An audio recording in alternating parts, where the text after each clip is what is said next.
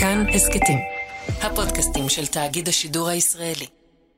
יש אנשים שחולמים שישבו אותם לווינסטון צ'רצ'יל. יש מי שהמודל שלו הוא הרבי מלובביץ', או קמאלה האריס, או יוקוזונה, אבל אני מכיר רק בן אדם אחד שרוצה שיחשבו שהוא הורדוס. הורדוס היה בנאי גדול, בנה את הנמל בקיסריה. אז ראש הממשלה בנימין נתניהו ואני ניכנס להיסטוריה היהודית כגדולי בוני הנמלים בארץ ישראל. אני שר ביצועיסט, קוראים לי בולדוזר.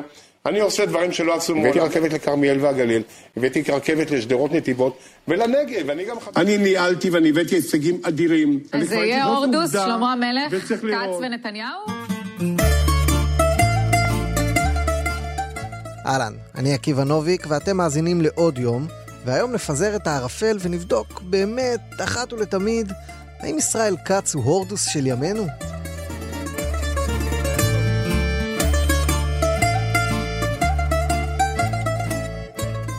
כל פעם שאני יוצא להסתובב באזור פה, אני יכול לראות חלק אה, ממפעלי הבנייה שלו, את אמות המים לירושלים, את אה, ההרודיון, את מבצרי המדבר, את ירושלים.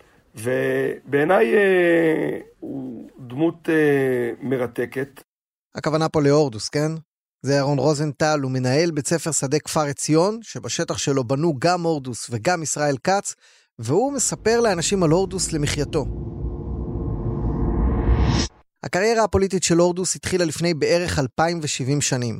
הוא התחיל כמושל הגליל, פילס את דרכו לשלטון באלימות וטרור, ובשנת 37 לפני הספירה הפך למלך יהודה ולאחד השמות הבולטים בהיסטוריה שלנו עד היום. 2007 שנים אחרי שהורדוס מת, הושבע בירושלים שר החקלאות ישראל כץ. הוא כיהן מאז גם כשר התחבורה, שר החוץ והמודיעין, וכיום הוא שר האוצר והדמות הכלכלית המרכזית בישראל. ישראל כץ היה שר התחבורה, כנראה זה שכיהן הכי הרבה זמן, לא בדקתי, אבל בוא, עשור זה המון.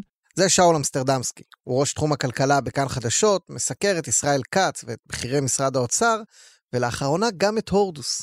הם קוראים לו הורדוס בלעג בשיח הפנימי ביניהם, כן.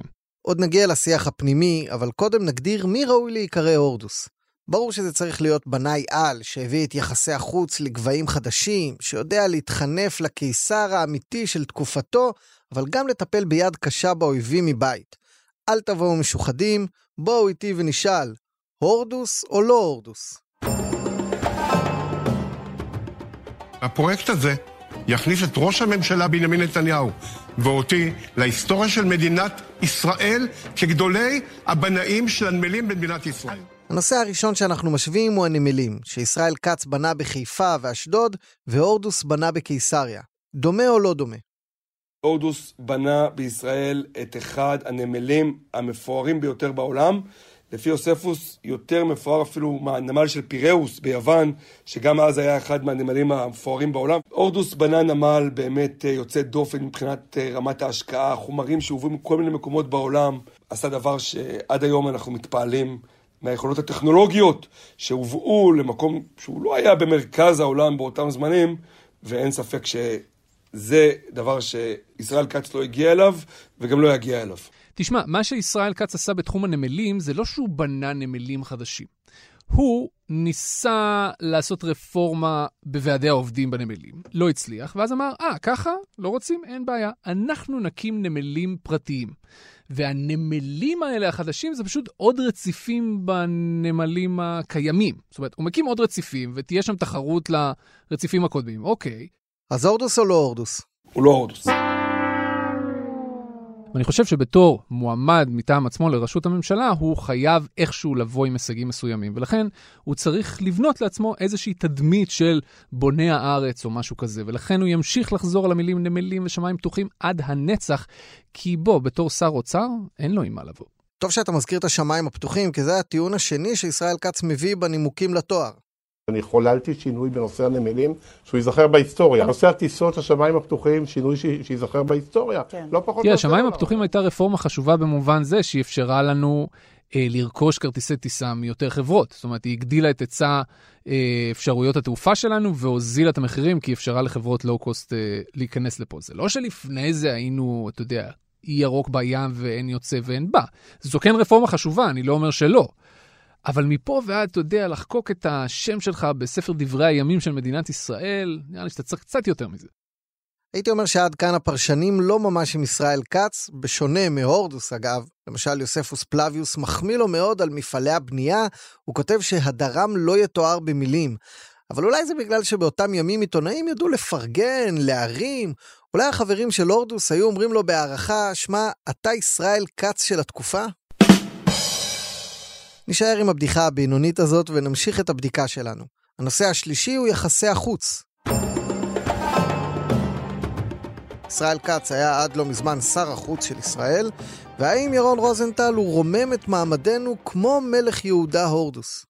תראה, הורדוס זה אולי החוזקה הכי משמעותית שלו. הוא ידע לרקום בריתות בינלאומיות, הוא ידע לתמרן במגרש הפוליטי של העולם הגדול. ובעולם הגדול ההוא היה קיסר רומאי משוגע וכוחני בשם אוגוסטוס.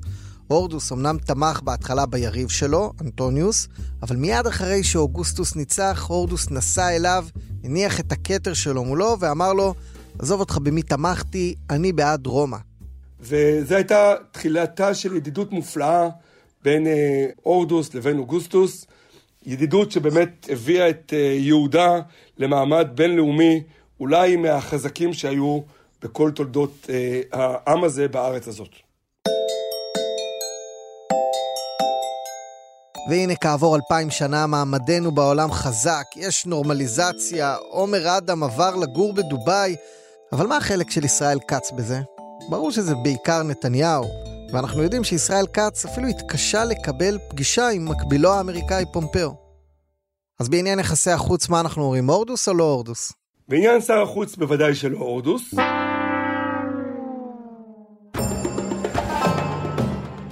עד עכשיו סקרנו את יחסי החוץ, בניית הנמלים, את השמיים הפתוחים, ראינו שקשה להשוות בין השניים. אבל יש נושא אחד שאפשר בהחלט לפרגן בו לישראל כץ, וזה היכולת לתת קרדיט למנהיג שמעליו.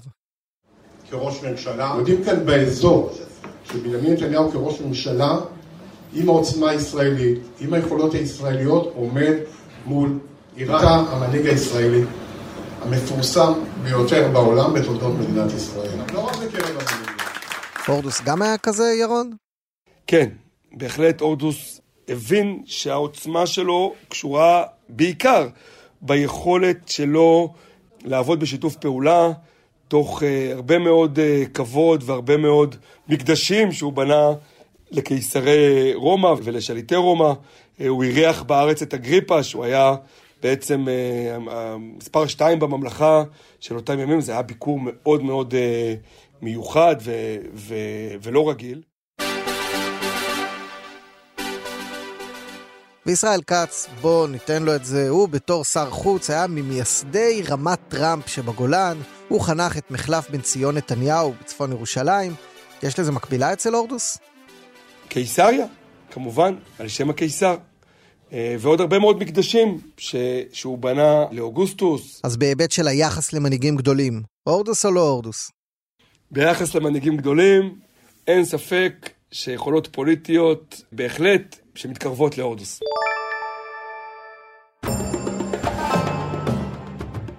ואם אנחנו כבר פה מפרגנים, אני רוצה להציע עוד נושא שבו ההשוואה בהחלט ראויה. דיברנו על פוליטיקת חוץ, אבל ישראל כץ הוא גם פוליטיקאי פנים מצוין. הוא שר הכי בכיר בליכוד, הוא יודע לעבוד עם נתניהו, עשרות שנים בכנסת, וגם על הורדוס אפשר לומר שהוא היה פוליטיקאי על.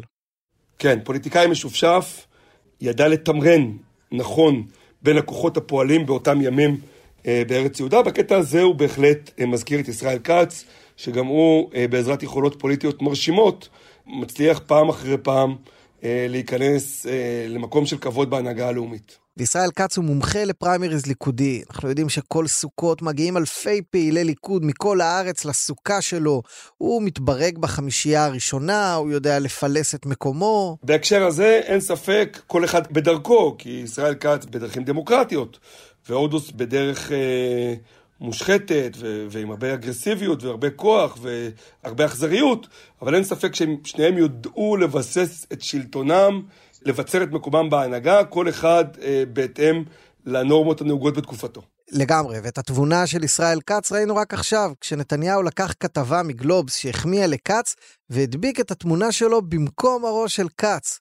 שר האוצר הגיע לאולפן פגוש את העיתונות והמשיך לפרגן לנתניהו בכל הכוח. אבל למה לדעתך ראש הממשלה הוציא את התמונה שלך וגם את התמונה שלו? אני לא עקבתי, אני לא עוקב אחרי כל ציוץ, אני רק יודע ש... אז הנה, אני מספרת לך. ראש הממשלה ואני ביחד מובילים את כלכלת ישראל, ולא יעזור לאף אחד. אבל השר כץ, הוא החליף את התמונה שלך בתמונה שלו. בוא נעבור לא להורדוס, פרדי. בוא נחזור להורדוס, עכשיו פרשנות של ציוצים.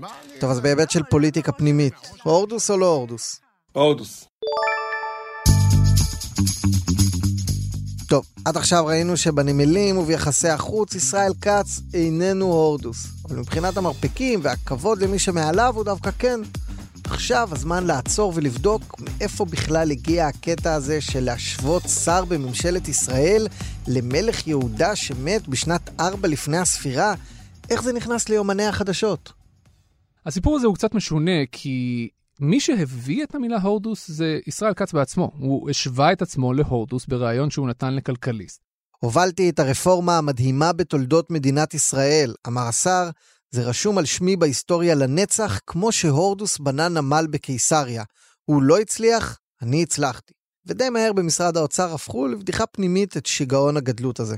ישראל כץ, שר האוצר, מתעקש גם הערב שהיועץ המשפטי של משרדו, אסי מסינג, מדליף ומתדרך נגדו מהקבינט, וכך הוא כותב לדוברת: הורדוס, שזה כינוי לעג לשר האוצר כץ. ואז ברגע שהוא קלט את זה והבין שוואלה, אולי לא הייתי צריך להשתמש במילה הורדוס, אז הוא התעצבן על היועץ המשפטי שלו, אבל בוא, גבר, אתה הבאת את המילה הזאת.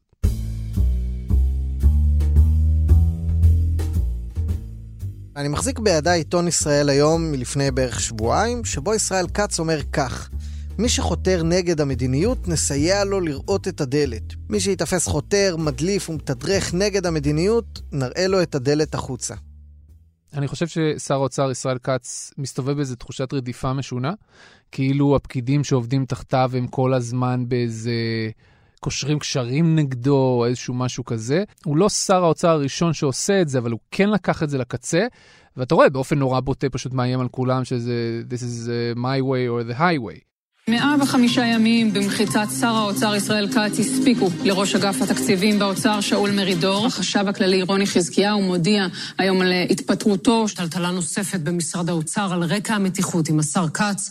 הודיעה היום מנכ"לית האוצר קרן טרנר שהיא מתפטרת מתפקידה אחרי פחות מחצי שנה. הוא בירך על התפטרותו של שאול מרידור, אחרי זה המנכ"לית שלו התפטרה, הוא לא הזיל הרבה דמעות, הוא מת להעיף את היועץ המשפטי שלו, אבל הוא לא יכול כי הוא לא כפוף אליו. החשב הכללי שלו התפטר, זאת אומרת, בוא, וזה מאוד הרודיאני. זה הרודיאני מאוד, כן. הנה מצאנו. הנה מצאנו, הורדוס.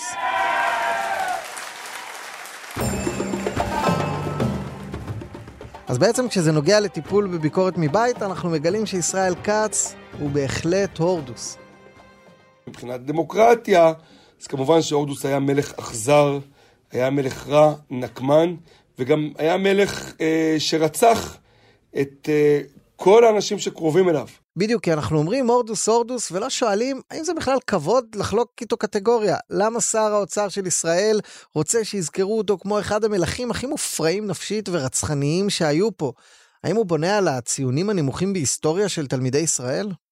מי שרוצה לזכות בכבוד ולא מכיר את ההיסטוריה, אז אומר שהוא הורדוס. או שמי שרוצה לזכות בכבוד ולא אכפת לו להיות בצד האכזרי של ההיסטוריה, אומר שהוא הורדוס. הורדוס, הורדוס. זה אני, אני ככה. זה מתוך מערכון של זהו זה ששודר בשבוע שעבר. כץ יושב בבית קפה, מדושן עונג, מחכה שיכריזו את שמו. השר כץ, אה, אני בדקתי בוויקיפדיה. מסתבר שהורדוס לא היה כזה טוב. הוא הפיץ שנאה ופילוג בעם, הוא רדף ורצח את מתנגדיו, הוא שבר ונטרל את כל מוסדות האומה, הוא התיר אחריו הרס שהיה כל כך גדול שהיישוב היהודי לא הצליח להתגבר על השברים, ותוך כמה עשרות שנים ירושלים נחרבה. אז הורדוס זה לא כזה רעיון טוב. אפשר לחזור לעבוד? יוסי, יוסי, הכל בסדר, אל תדאג. נפוליאון, נפוליאון. בתקופת הורדוס נרצחו אלפי אנשים בהוראה ישירה ממנו, אולי אפילו עשרות אלפים. הוא ציווה לרצוח ביום מותו עשרות מנכבדי העם כדי שזה לא יהיה יום של שמחה מתפרצת בכל רחבי יהודה. הוא ניהל שלטון טרור איום ונורא, ובהקשר הזה חייבים לפרגן לישראל כץ, שיוצא מהשוואה ממש טוב. הוא הרבה פחות קנאי מהורדוס. אין בידינו שום עדויות שהוא רוצח יריבים פוליטיים. הוא עובד קשה, ואני רוצה להעיד מהיכרות אישית, הוא גם איש מאוד נחמד.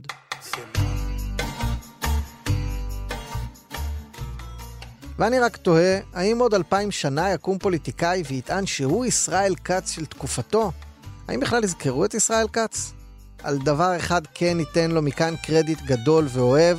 בזכותו הזדמן לנו לעשות שיעור היסטוריה קצר ולספר קצת על הדמות המרתקת של הורדוס, מי שבנה את ישראל, הפך אותה לגרייט אגן, והיה באמת ליגה אחרת, לטוב אבל גם הרבה לרע.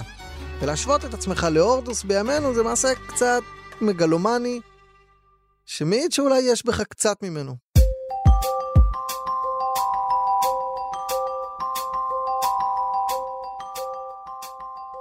סיימנו.